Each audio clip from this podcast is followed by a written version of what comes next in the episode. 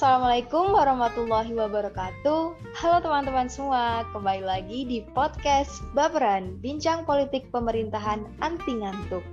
Di episode kali ini, aku berkolaborasi dengan teman-temanku untuk memberikan atau sharing tentang topik yang ada dalam mata kuliah Analisa Politik Indonesia. Oke, jika kalian penasaran, langsung aja happy listening guys. Aku serahkan pada Kevin. Oke, makasih banyak Emira buat kesempatannya dan udah diundang juga nih di podcast Baperan. Asik banget nih. Thank you ya Mir. Nah, bener banget teman-teman. Seperti yang sudah disampaikan oleh Emira tadi, pada podcast kali ini kita akan membahas materi yang gak kalah keren nih dari episode-episode sebelumnya. Pada podcast kali ini, kita mengangkat judul bahasan yakni API analisis politik Indonesia, ekonomi dan pandemi jadi ladang bisnis kaum oligarki. Dan sebenarnya nih di podcast kali ini aku sama Emil nggak cuman berdua teman-teman. Karena kita ada bertiga. Ada aku Kevin ada Emira dan juga ada Farhan. Halo Emira. Halo Farhan Halo teman-teman, halo Kevin, halo Emira. Halo guys, semoga kalian dalam keadaan sehat. Amin. Oke, kayaknya teman-teman udah pada nggak sabar nih untuk dengerin podcast kita pada episode kali ini. Nah, kita langsung masuk ke materinya aja ya teman-teman. Sejak pertama kali dikonfirmasi oleh WHO pada tanggal 11 Maret 2020 bahwa COVID-19 telah menjadi pandemi global, banyak negara yang mulai melakukan penyesuaian terhadap kebijakan dan regulasi di negaranya masing-masing. Tidak dapat kita pungkiri bahwa virus COVID-19 ini menyebar dengan begitu cepat dan dengar-dengar sih sekarang udah mulai ada varian baru juga ya. Dan hal tersebut tentunya berpengaruh terhadap kesehatan publik dan perekonomian secara global dalam konteks Indonesia khususnya, tentu saja kita semua merasakan kalau pandemi ini berdampak luas secara multidimensional. Namun, perlu untuk kita refleksikan bersama bagaimana sih relasi antara penanganan COVID-19 dan kepentingan oligarki yang masuk dalam tata kelola ekonomi di Indonesia dan seperti yang kita ketahui nih teman-teman, kondisi ekonomi dan pilihan politik menjadi faktor penting yang mempengaruhi kinerja pemerintah kita dalam mengatasi pandemi COVID-19. Oleh karena itu, di episode kali ini sudah bersama saya Emira dan Farhan, kita akan membahas materi ini. So, tetap dengerin materi ini sampai selesai ya teman-teman. Oke, aku mau tanya dong pendapatnya dari Emira dulu ya menurut kamu Mir, kira-kira apa sih yang sedang terjadi di Indonesia pada saat ini dalam konteks penanganan COVID-19 dan tata kelola ekonomi? Oke, makasih Kevin buat kesempatannya. Uh, di sini aku ingin memberikan beberapa poin ya teman-teman. Jadi gini, pandemi dan ekonomi memang dua hal yang tidak terpisahkan. Terlebih dengan adanya pandemi hampir dua tahun ini ya teman-teman memberikan dampak yang signifikan bagi kondisi perekonomian di Indonesia. Ekonomi menjadi salah satu kunci bagi kemajuan dan berputarnya roda kehidupan masyarakat. Jika sebuah negara mengalami krisis ekonomi, akan mempengaruhi aspek lainnya seperti aspek sosial, politik, serta penanganan pemerintahan dalam mengambil sebuah kebijakan. Jika kita melihat keadaan Indonesia yang juga sedang berada di situasi pandemi COVID-19, terlihat jelas peran para kaum oligarki yang sekaligus merangkap masuk menduduki jabatan strategis pemerintahan pemerintah pusat ya teman-teman. Hal ini tercemin dari beberapa menteri yang duduk di pemerintahan yang memiliki latar belakang sebagai seorang pemilik modal atau pengusaha. Sehingga Secara tidak langsung mereka juga memikirkan bagaimana sih caranya agar perusahaan atau usaha mereka itu tetap untung di tengah pandemi. Para kaum oligarki tersebut memainkan perannya dalam mengambil setiap keputusan dalam penanganan pandemi. Mungkin hal ini uh, sesuai dengan yang dipaparkan oleh hadis tahun 2010 yang mengemukakan tentang salah satu ciri jejaring kekuasaan oligarki Indonesia di pasca Orde Baru adalah bersifat predatoris. Uh, predatoris ini berarti menggunakan kekuasaan dan institusi negara untuk mengakumulasi kekayaan dan kekuasaan individu. Hal tersebut berimplikasi pada peran redupnya peran asli para birokrat atau pemangku kebijakan. Wah, oke, okay, siap. Setuju banget sih Mir sama yang kamu bilang tadi kalau ekonomi dan penanganan pandemi itu nggak bisa dipisahkan. Tapi aku kepo nih sebelum kita masuk ke Farhan ya, karena tadi kamu sempat tipis-tipis membahas tentang oligarki. Menurut kamu nih, gimana sih peran oligarki dalam tubuh pemerintahan kita di masa pandemi COVID-19 saat ini? Boleh dong, Mir. Oke, Kev.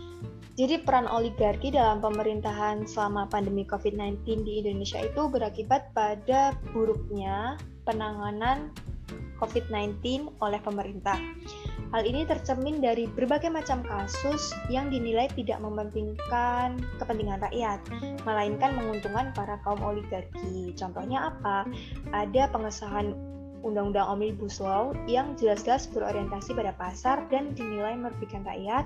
Lalu ada juga berbagai bisnis yang secara tidak langsung bahkan dapat dikatakan terang-terangan gitu ya teman-teman mengambil untung selama pandemi seperti bisnis PCR, lalu bisnis obat, dan juga ada bisnis tentang persoalan karantina warga yang baru datang dari luar negeri itu.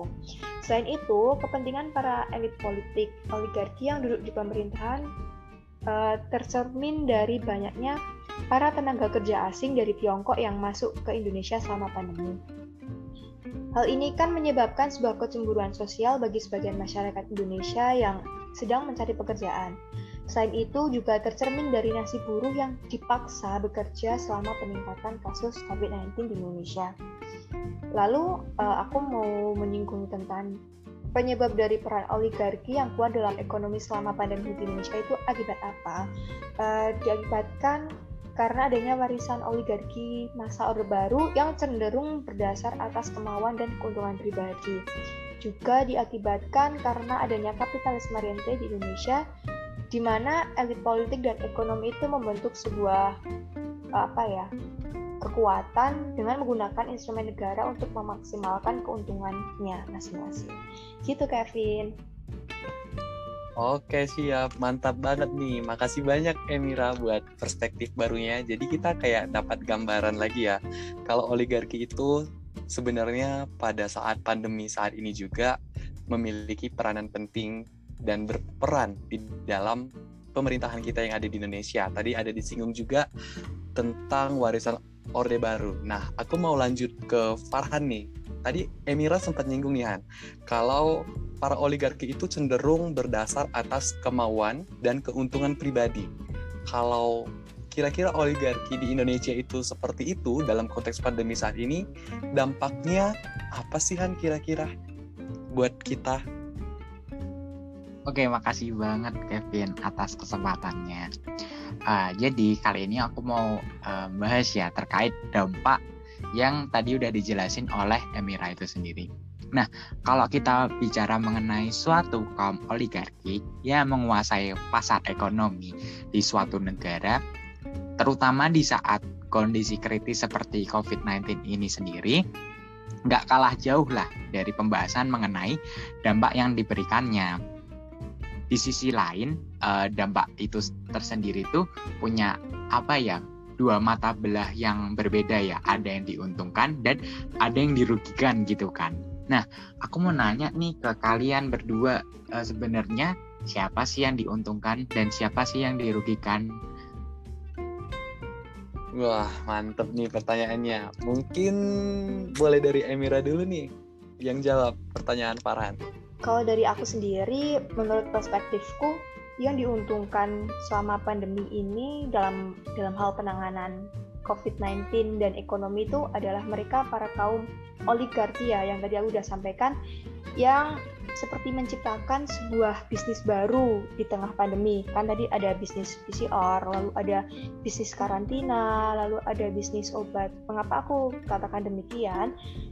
Karena kan kita juga udah tahu kan teman-teman juga bisa lihat dari berbagai macam berita tentang inkonsistensi pemerintah dalam mengeluarkan kebijakan terkait PCR yang berimplikasi pada uh, bisnis PCR mereka masing-masing gitu. Lalu ada apa lagi ya? Ya kalau menurutku cukup itu dulu teman-teman. Oke, makasih banyak Mir. Kalau dari aku sendiri sih yang diuntungkan itu kurang lebih sama kayak yang disampaikan Emira. Itu kayak yang diuntungkan tentunya pemilik modal, para oligarki, dan juga para pejabat pemerintahan yang punya kepentingan seperti itu kepada pihak-pihak oligarki. Namun mungkin yang merasakan kerugiannya memang yang secara langsung dirasakan oleh masyarakat. Namun secara nggak sadar itu kayak black hole gitu nggak sih teman-teman? Karena uh, kayak kasus ya PCR itu dibisniskan. Toh nanti kalau masyarakat bawah nggak dapat PCR, kita nggak bisa mendeteksi juga kan uh, kasus COVID-19 di Indonesia secara cepat dan itu nanti secara mau nggak mau juga bakal merugikan pemerintah, merugikan uh, oligarki, merugikan pemilik modal yang bermain di sektor bisnisnya. Uh, itu sih menurutku semua bakal dirugikan tapi memang masyarakat yang paling merasakan dampaknya itu Han kalau menurutku dan menurut Emira juga tadi keren banget tadi jawabannya Asik kalau menurut banget. Ya, kalau menurutku sendiri uh, tentang diuntungkan dan dirugikan itu udah kelihatan jelas nggak sih, Vin, Mir, gitu loh. Uh, jadi kalau kita lihat ya, yang diuntungkan itu pasti suatu kaum oligarki yang apa ya, yang ada di Indonesia dan seperti yang dibilang tadi si Emira itu, yang ada di uh, tubuh birokrasi itu sendiri atau tubuh di uh, pemerintah itu sendiri. Nah, uh, aku punya suatu kasus nih, uh, suatu cerita atau suatu kasus gitu, dilansir dari kam, uh, Kompas gitu loh. Nah, uh, di sini tuh menjelaskan bahwasannya tuh adanya uh, penyediaan fasilitas fasilitas yang cukup mewah dalam kata kutip di sini cukup mewah itu adalah hotel hotel untuk uh, suatu lembaga pemerintahan uh, yang terkena COVID-19 atau yang dinyatakan uh, uh, positif COVID-19 itu sendiri. Nah, uh, hal itu sendiri berimplikasi uh, terhadap gimana sih uh, uh, keuntungan double yang akan di, uh, didapatkan oleh kaum oligarki yang ada di birokrasi. Di sisi lain mereka dapat uh, fasilitas dari pemerintah itu sendiri, namun mereka dapat uh, profit dari uh, keuntungan yang masuk atas uh, fasilitas yang uh, diberikan oleh mereka kepada suatu lembaga itu sendiri. Oke, okay, kalau dari sisi kerugiannya itu sendiri, aku ada banyak nih, terutama dari sisi bansos ya, di mana ada bansos yang salah sasaran dan ada bansos yang malah uh, nggak layak konsumsi gitu loh. Padahal sejatinya kan bansos kan untuk apa ya? Untuk bantuan sosial gitu kan. Dari namanya aja udah kelihatan gitu bantuan sosial. Tapi uh, kok malah nggak layak konsumsi dan malah uh, salah sasaran. Nah, ada juga nih kasus di mana yang tadi udah disinggung sedikit nih sama Kevin yaitu tes PCR gitu loh. Nah, kalau tes PCR itu sendiri kan uh, apa ya range-nya harganya 200 sampai 400 gitu kan. Yang uh, literally cukup mahal gitu. Mungkin aku mau nanya lagi nih sama Emira sama Kevin menurut kalian tuh range dengan harga range 200 sampai 400 tuh tes PCR itu tuh mahal nggak sih atau memang kemahalan atau kemurahan gitu? Oke, mungkin dari Kevin dulu ya. Oke, aku coba jawab ya. Kalau menurut aku sih secara pribadi untuk range harga PCR, PCR itu yang 200 terus sampai 400 itu kan aku ini statusnya lagi sebagai mahasiswa ya mungkin untukku jika dibandingkan dengan manfaat yang akan aku dapatkan dari PCR itu sendiri itu lumayan mahal sih Han kalau dari aku kalau dari iya. Emira gimana Mir? Oke Mir, gimana Mir nih? Kalau dari aku warga segitu cukup mahal ya melihat jika kita lihat uh, harga range PCR di negara lain itu ternyata lebih murah gitu teman-teman. Lalu aku juga menyinggung tentang apa ya harga PCR PCR ini yang uh, aku dapat kata bilang tidak tidak dapat diterima atau tidak bisa apa ya intinya masyarakat Indonesia itu secara keseluruhan kan terdiri dari berbagai kalangan ya mereka itu kan belum tentu mampu melakukan tes PCR ini jadi terlihat apa kurang wajar gitu harganya Oke, makasih banget nih atas jawabannya dari Emira sama Kevin. Uh, kalau kita lihat uh, sebenarnya kan tes PCR itu untuk da, awalnya ya awalnya itu untuk tracking dari uh, siapa aja sih yang terkena COVID-19 itu sendiri. Nah, tapi lama kelamaan kok tes PCR itu seperti halnya kebutuhan yang cukup mendasar ya. Di mana kalau kita mau keluar atau keluar kota dikit aja itu tuh harus ada tes PCR kalau nggak nggak boleh gitu loh. Jadi menurutku dengan range harga 200 atau sampai 400 dengan legitimasi hanya dua hari itu itu cukup mahal juga sih gitu loh. Nah uh, aku juga punya kasus nih terkait uh, tes PCR itu sendiri dilansir dari kata data.com kalian tahu nggak sih investigasi Komisi Pengawasan Persaingan Usaha KPPU itu tuh ternyata mengindikasi adanya uh, potensi persaingan usaha yang tidak sehat dalam bisnis PCR gitu loh. Nah hal ini tuh bisa terlihat dari uh, apa ya kalau kita mau tes ke suatu lab itu tuh kita tuh pasti ditawarin loh, ditawarin uh, terkait uh, range range waktu yang mau diberikan atas uh, hasil tes PCR itu sendiri. Itu merupakan salah satunya kalau kata KPPU ini tuh apa ya? Uh, bisnis dari tes PCR itu sendiri. Dan sebenarnya kalau kita mau tes PCR itu sendiri kan harus ada ke konsultasi dokter. Nah, itu tuh uh, range harga setiap dokter dan setiap lab itu sendiri itu juga bisa dijadikan uh, apa ya bisnis ladang bisnis itu sendiri. Oke, uh, pembahasan dari aku cukup. Kembalikan ke Kevin. Oke, siap. Makasih banyak Farhan buat pembahasannya. Nah, jadi kalau aku nariknya nih, bener banget sih seperti yang tadi disampaikan oleh Emira dan juga Farhan terkait penanganan pandemi dan pengelolaan ekonomi dalam konteks kali ini dapat kita katakan kepentingan oligarki ya memang merupakan suatu hal yang tidak dapat dipisahkan. Namun saat ini memang seperti yang sudah disampaikan tadi tidak dapat dipungkiri oligarki memang sering kali memegang kunci dan lagi-lagi masyarakat yang harus dalam tanda kutip tersakiti. Ya balik lagi sih seperti yang tadi udah disampaikan oleh teman-teman, hal ini memang terjadi karena sistem yang ada saat ini memberikan peluang juga untuk hal tersebut terjadi. Namun, memang perlu kita ketahui bersama ya teman-teman, kalau di masa masa sulit, di masa pandemi seperti ini, memang segala hal itu bisa terjadi. Pada saat ini, apa pun yang menjadi pilihan, bisa dikatakan ekonomi kita tetap berada ataupun sedang tidak baik-baik saja karena bisa dikatakan peluang untuk terjadinya resesi itu sangat besar untuk terjadi. Salah satu pemicunya itu adalah karena ada kepanikan dari masyarakat, karena ada kebingungan dari pemerintah juga, dan lain sebagainya. Namun, yang kita harapkan bersama di sini uh, untuk pengelolaan pandemi dan juga pengelolaan ekonomi di Indonesia ada kombinasi kebijakan yang tepat dari pemerintah dalam mengatasi pandemi dan permasalahan ekonomi, dimulai dari kebijakan kesehatan masyarakat untuk membatasi penularan COVID-19.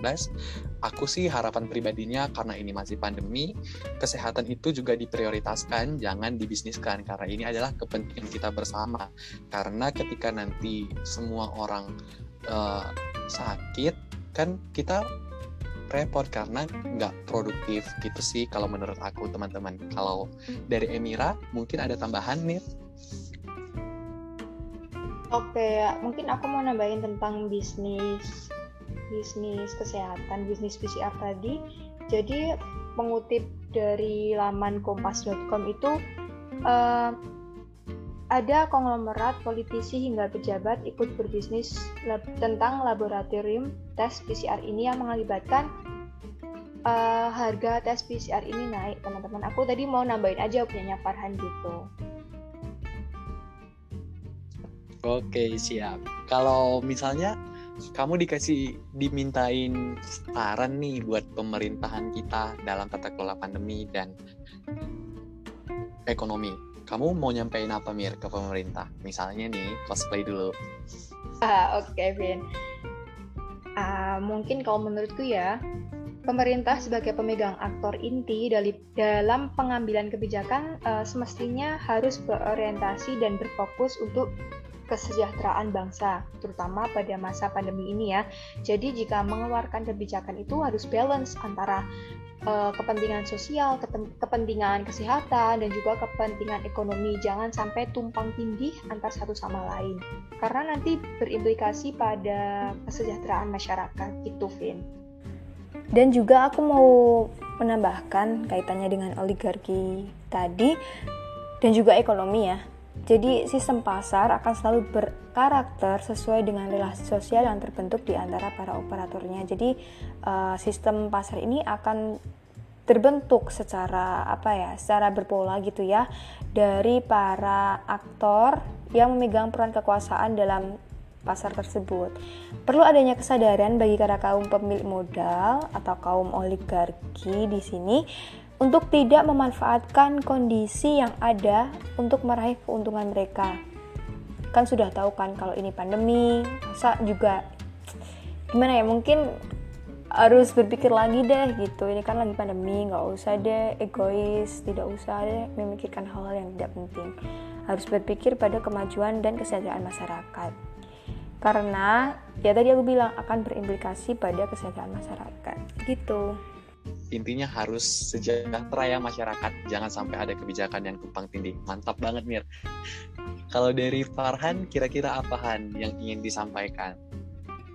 Oke kalau menurutku karena kalian opini kalian udah bagus-bagus banget aku cuma nambahin dikit nih. Karena uh, kan kita tahu ya situasi seperti COVID-19 itu sendiri uh, banyak ketidakpastian lah yang uh, dapat terjadi. Nah, uh, ketidakpastian ini tuh uh, apa ya memungkinkan segala hal itu juga tuh dapat terjadi gitu loh. Di samping itu pemerintah itu tuh juga apa ya ditumpangi oleh uh, kaum oligarki yang masuk ke dalam uh, badan pemerintah itu sendiri dan apa ya berimplikasi terhadap uh, aturan atau kebijakan yang mereka keluarkan itu sendiri. Itu sih dari aku, Mir, Bin. Oke, siap. Makasih banyak Emira dan Farhan. Kita banyak dapat pemahaman baru ya dari podcast kali ini dan semoga di podcast kali ini juga teman-teman yang mendengarkan podcast baperan ini mendapatkan insight baru, insight yang positif tentunya dari podcast kita di episode kali ini. Nah, nggak terasa teman-teman kita sudah sampai di akhir pembicaraan kita pada episode kali ini. Lain kali nanti kita sambung lagi ya karena kayaknya masih asik nih kalau kita sambung lebih lama lagi. Tapi karena keterbatasan durasi, kita harus akhirin juga sampai di sini. Terima kasih banyak Emira dan Farhan. Terima kasih banyak juga teman-teman yang sudah mendengarkan podcast ini. Uh, harapannya semoga bisa mendapatkan insight baru dan hal-hal baru dari podcast kita kali ini. Oke, sekian dari kita. Aku langsung kembalikan ke tuan rumah kita di podcast ini kepada Mbak Emira. Saya kembalikan. Oke, terima kasih teman-teman udah mau mampir dan berkolaborasi di podcast Baperan ini. Semoga apa yang kita bicarakan bermanfaat ya teman-teman untuk ke depannya. Oke, aku tutup. Kurang lebihnya mohon maaf, semoga bermanfaat. Wassalamualaikum warahmatullahi wabarakatuh. Bye-bye.